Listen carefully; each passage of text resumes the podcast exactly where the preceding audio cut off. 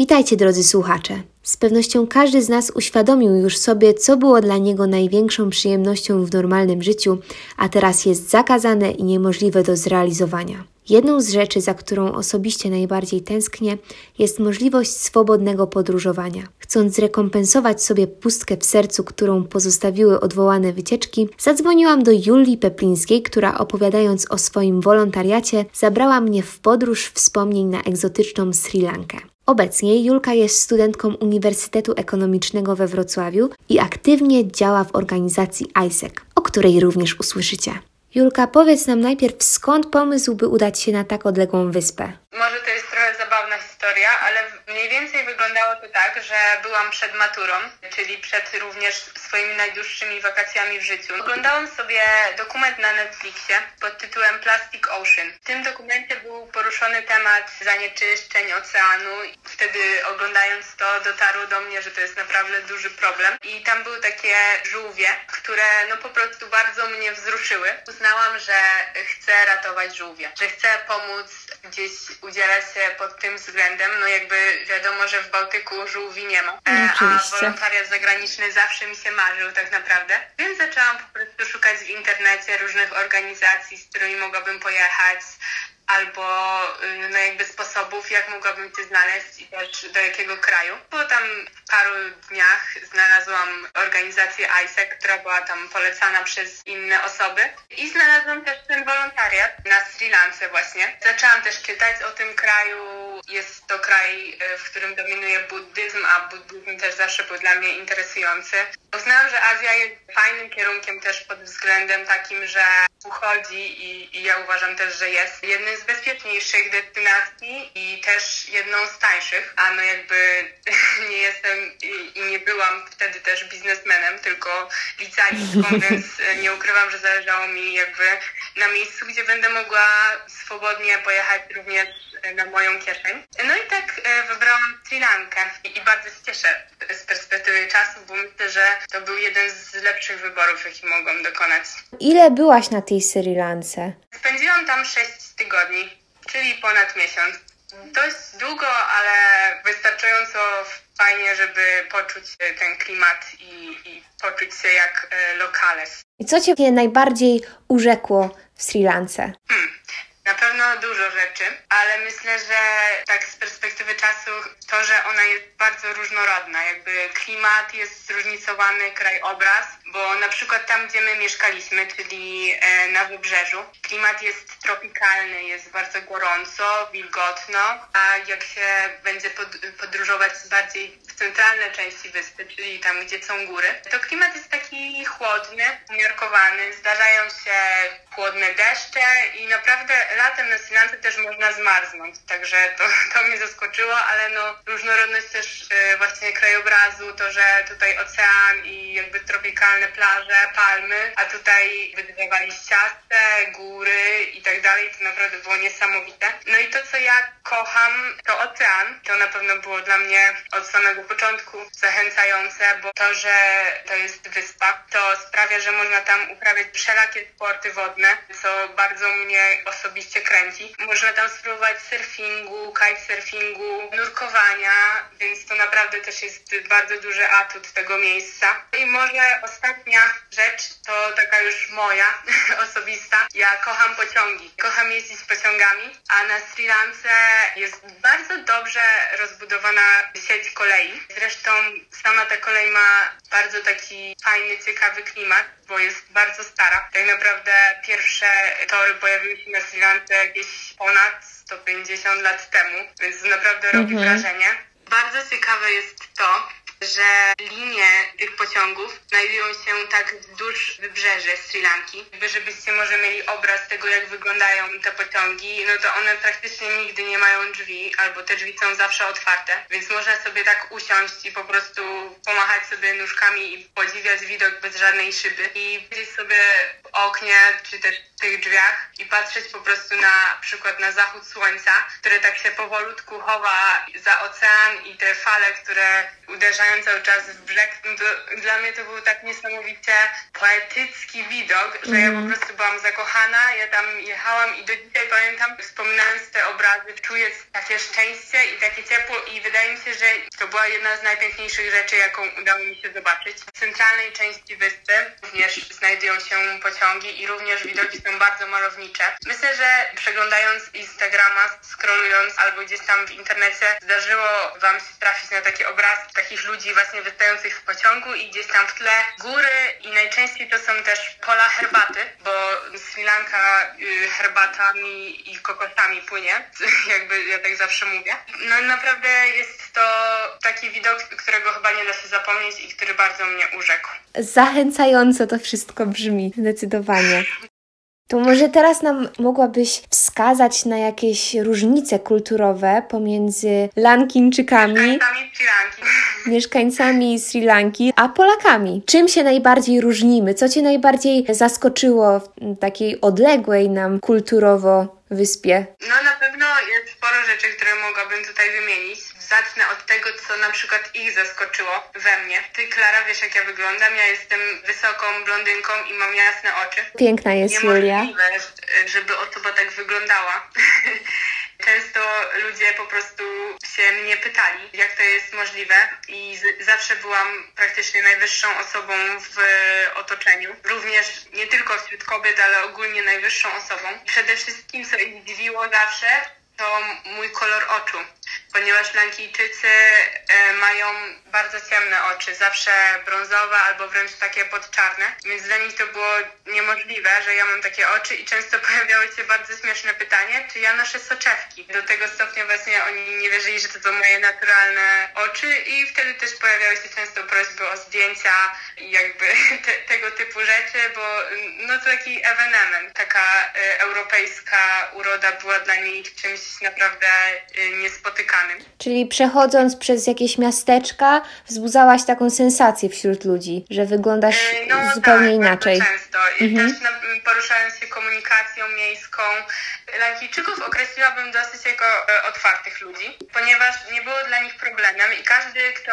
praktycznie chociaż trochę e, mówi po angielsku, a angielski jest ich drugim językiem, bo tam kiedyś była kolonia brytyjska, to, y, to zawsze próbowa, próbuje zagadać, jeżeli widzi turystę. Więc miałam sporo rozmów w pociągach, w autobusach, przede wszystkim z właśnie lokalnymi ludźmi. No ten ich angielski był czasami lepszy, czasami gorszy, ale to były naprawdę ciekawe i fajne doświadczenia. I to było też coś, co w Europie jakby chyba nie za bardzo istnieje.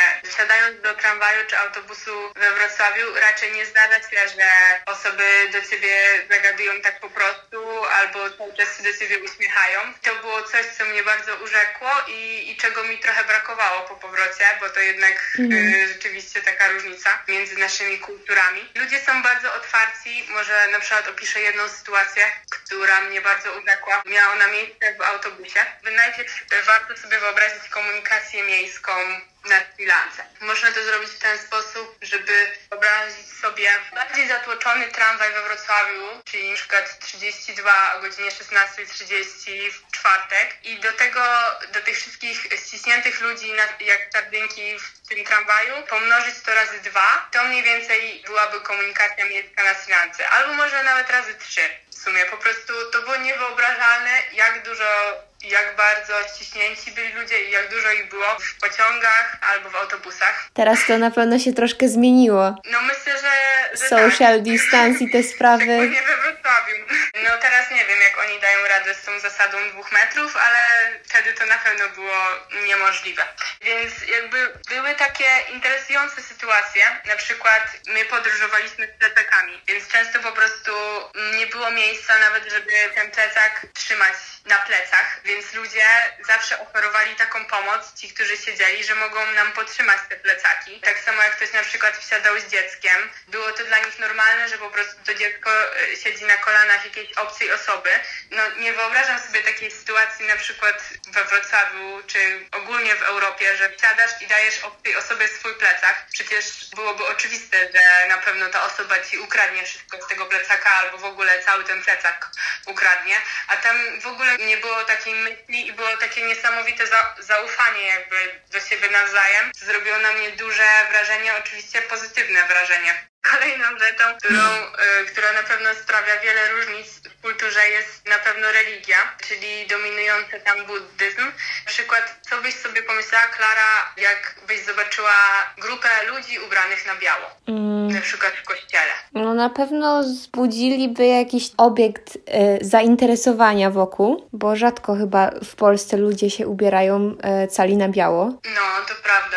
No, mi się zawsze biały kojarzył bardziej z takim weselem albo z taką czystością. Jakby, no na przykład na ustroje komunijne są e, białe w Polsce. No tak, na Sri kolor biały jest to kolor żałoby. Czyli jeżeli widzicie kobietę ubraną na biało, często bardzo ładnie, to jednak e, najprawdopodobniej jest ona wdową, co jakby było dla mnie ogromnym szokiem i też warto o tym pamiętać, ponieważ można powodować pewnie taką kulturową gafę, no to jest duża różnica, bo u nas kolorem żałobnym jest czarny, więc... Tak, tak, więc właśnie zupełnie odwrotnie. To, to robiło na mnie, zrobiło na mnie wrażenie właśnie jak zobaczyłam tak, taką grupę ludzi przy, przy świątyni ubranych na biało i myślałam, że to jest pewnie jakieś wesołe święto, na przykład komunia albo wesele, ale zostałam właśnie poinformowana, że nie, że to jest na pewno pogrzeb i że tak właśnie się to odbywa na Sri Lance. Także o tym też warto pamiętać i jest to moim zdaniem bardzo ciekawe. Kolejną rzeczą, która była dla mnie ciekawa, była typowa studencka impreza na Sri Lance. E, zostałam zaproszona na taką. No kupiłam tam jakieś jedzenie, no i oczywiście alkohol swój, jakby to jest oczywiste, jak idziecie na domówkę Polsce czy też w Europie. Przybyłam na tę imprezę, ale nie zobaczyłam ani jednej osoby z piwem, ani jednej osoby pijącej alkohol, ponieważ na Sri Lance nie ma takiej kultury. Ludzie tam nie piją alkoholu i jest to spowodowane głównie ich religią, bo buddyzm nie uznaje alkoholu. Więc alkohol jest dostępny w specjalnych sklepach. Nie jest tak, że jak zabraknie ci piwa, to możesz skoczyć na stację benzynową. Jest on drogi, no istnieje też i e, jak wszystko na Sri Lance jest kokosa. Czyli imprezy na Sri Lance to rozmow, rozmowy. Czasami ludzie tańczą, ale to bardzo rzadko. I na pewno nie alkohol.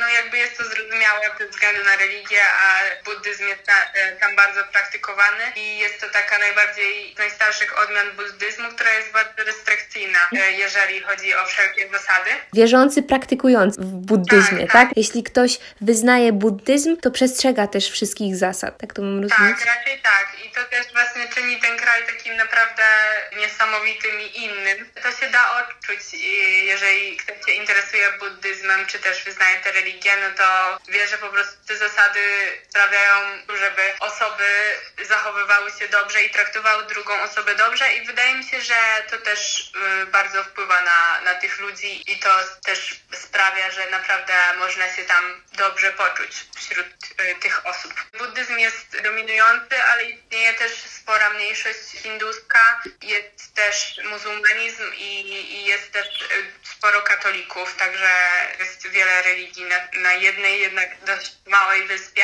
co było przyczynami konfliktów w przeszłości, ale teraz już coraz mniej jest to odczuwane i naprawdę uważam, że ta religia w sposób przyjemny kształtuje ten kraj. Jest wiele przepięknych świątyń buddystycznych i one robią ogromne wrażenie. Są bardzo bogato zdobione, są bardzo ciekawe, różnorodne. Jest taka świątynia, która jest cała wyrzeźbiona w skale, w takich jaskiniach i wszystko jest właśnie z kamienia, wszystkie posążki. Jest bardzo dużo złota i bardzo pięknie wygląda, bo ludzie tam modląc się, wkładają kwiaty i zapalają kadzidełka, więc po prostu taką świątynię dosłownie czuć paru, no tam paru set metrów. To jest zapach kwiatów i tych kadzideł i naprawdę to robi niesamowite wrażenie. Może mogłabyś nam coś opowiedzieć o historii Sri Lanki? Historia nigdy nie była i nie jest moim konikiem, ale akurat historia Sri Lanki jest naprawdę ciekawa, więc polecam wszystkim trochę sobie o tym poczytać. Tak naprawdę to, co jest moim zdaniem najbardziej interesujące i myślę, o czym warto wspomnieć, to to, że jest to kraj, który tak naprawdę jest bardzo, bardzo świeżo po wojnie domowej, która skończyła się troszkę ponad 10 lat temu. To naprawdę pozostawiło dużą bliznę na historii tego kraju i również na ludziach, ponieważ naprawdę zginęło bardzo dużo osób. Teraz chciałam jeszcze powrócić do Twojej organizacji, z której pojechałaś, do organizacji ISEC. Z tego, co mi wiadomo, dalej działasz w tej organizacji, już nie jako uczestnik wolontariatu, ale jako jeden z liderów. Jakbyś mogła nam opowiedzieć, czym jest ta organizacja i jak do niej dołączyć, ponieważ e, z pewnością wielu studentów e, wrocławskich chciałoby przeżyć taką przygodę jak Ty, więc kilka słów od Ciebie na zachętę. Fajnie by było okay. usłyszeć. E, pewnie. No to organizacja ISEC to jest globalna organizacja, to warto wspomnieć, że działa w ponad 120 krajach. Pokrótce bardzo jej historia jest taka, że powstała po II wojnie światowej po to, aby zapobiec już, aby nigdy więcej nie doszło do takiego okropnego konfliktu, jakim była wojna. Sposobem na zapobiegnięcie temu jest to, że ISEC rozwija młodych, ponieważ uważamy, że odpowiedzialność za nasze jutro spoczywa właśnie w młodzieży, czyli tak jak w nas, studentach, licealistach również i poprzez to, że będziemy rozwijać siebie, będziemy rozwijać swoje umiejętności liderskie, ale też wspierać innych i poznawać świat właśnie za pośrednictwem tego typu wolontariatów, czy też różnych wymian i staży i tak dalej. Oferty wyjazdów są różne. Będziemy mogli poznać świat, a jak już się go pozna, to się go zrozumie. Moim zdaniem większość takich konfliktów rasowych, czy też dyskryminacji wszelkiego rodzaju wynika przede wszystkim właśnie z niewiedzy ludzi i obawy przed tą innością, a kiedy się pojedzie na taką Sri Lankę albo do Meksyku, można naprawdę zobaczyć, jak ci ludzie żyją, można im pomóc. Można też wiele się od nich nauczyć, ale nauczyć się też bardzo dużo o samym sobie, bo ja naprawdę z perspektywy czasu dopiero teraz widzę, że ta wymiana rozwinęła mnie właśnie pod tym względem, że naprawdę będąc w różnych sytuacjach, też wesołych i też kryzysowych, mogłam zobaczyć, jak ja reaguję i jak potrafię sobie poradzić z danymi sytuacjami. Jeżeli się zrozumie, jak działa ten świat i jak różni są ludzie i jak wspaniałe jest to, że ludzie są tak różni, no to wtedy tak naprawdę można zmieniać świat i ja wychodzę z tego założenia, dlatego też dołączam do tej organizacji. To, co ja tej organizacji robię, to jest dokładnie, jestem teraz po drugiej stronie medalu, czyli po prostu tak jak ktoś mnie wysłał na wolontariat i ja miałam okazję pojechać na Sri Lankę, tak teraz moim zadaniem jest pomaganie ludziom w uczestniczeniu w tego typu wolontariatach i właśnie wysyłanie ich do miejsc, gdzie mogą pomóc, gdzie mogą się spełnić, gdzie mogą zwiedzić dany kraj i poznać inną kulturę. Jak można do nas dołączyć? Rekrutujemy do organizacji dwa razy w roku, na początku każdego semestru i wtedy, jeżeli przyjdzie ten czas, czyli na przykład pod koniec wakacji, jak się wpisze w przeglądarkę ISEC rekrutacja, to na pewno wyskoczy i będzie można do nas dołączyć. Polecam serdecznie z całego serca oddział Uniwersytetu Ekonomicznego we Wrocławiu, bo ISEC działa we wszystkich miastach, no nie we wszystkich, ale w dużej ilości miast w Polsce, więc można dołączyć tam, gdzie tam komu najbliżej. Czy jest też e, oddział ISEC na Politechnice Wrocławskiej? Jest. Warto może o nim wspomnieć, bo jednak nasze radio mieści się właśnie na kampusie Politechniki Wrocławskiej. Studenci można Politechniki również można dołączyć. Nie ma. Okej, okay, czyli jak ktoś chce się z Tobą zapoznać, to definitywnie trzeba dołączyć do organizacji ISEC, która się mieści na Uniwersytecie Ekonomicznym. Wtedy trzeba na ekonomicznym, tak, ale bardzo też polecam serdecznie ten, który się mieści przy Politechnice, ponieważ tam też są super ludzie i na pewno to nie, to nie ma znaczenia, gdzie się jest, ważne, że chce się działać. A jeżeli ktoś byłby zainteresowany już tak typowo wymianą, no to wystarczy wejść na isec.org i tam się zarejestrować i wybrać sobie coś ciekawego albo po prostu poczekać, aż ktoś się odezwie i, i Wam pomoże Naprawdę polecam z całego serduszka, bo to była moja przygoda życia. Mam nadzieję, że jedna z wielu przygód mojego życia, ale jak na razie naprawdę było to niesamowite. Nie żałuję zupełnie, że podjęłam taką decyzję i gdybym mogła, to bym podjęła znowu, znowu i znowu. Także naprawdę polecam. A właśnie jak w tym roku to wszystko wygląda podczas pandemii? Czy wy też czynnie działacie? Bo jak wszystkim wiadomo, granice są zamknięte, więc na razie nie ma opcji, żeby opuścić kraj w celach turystycznych. Jak to teraz wygląda? Teraz moje serduszko jest trochę smutne, ponieważ wszystkie wymiany zostały wstrzymane, wszystkie, które są do końca wakacji.